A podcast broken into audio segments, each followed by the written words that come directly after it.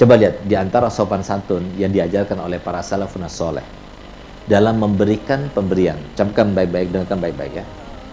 Ada pemberian yang kita berikan kepada orang yang tidak punya. Atau orang yang membutuhkan uluran tangan kita, siapa pun dia.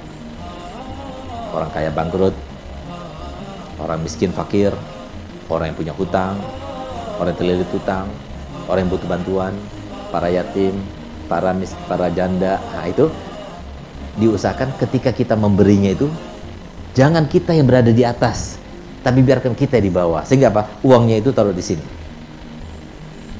Taruh dia yang ngambil. Nah, itu di antara sopan satunya mereka. Dari saking dia itu merasa kalau semua dia itu memberikan seperti ini, takutnya dia itu sampai nafsunya mengatakan kamu itu lebih baik karena Rasulullah mengatakan lebih baik. Nah, gitu. Dari saking uh, waroknya mereka, ada saking takutnya pada Allah Taala seperti itu. Taruh di tangannya uangnya itu. Nah, taruh, diambil. Jadi yang yang dikasih itu dia ngambil. Sehingga apa? Yang yang yang lebih afdal yang mana? Berarti yang yang minta yang yang ada di atas. Berarti dia di bawah gitu. Coba lihat.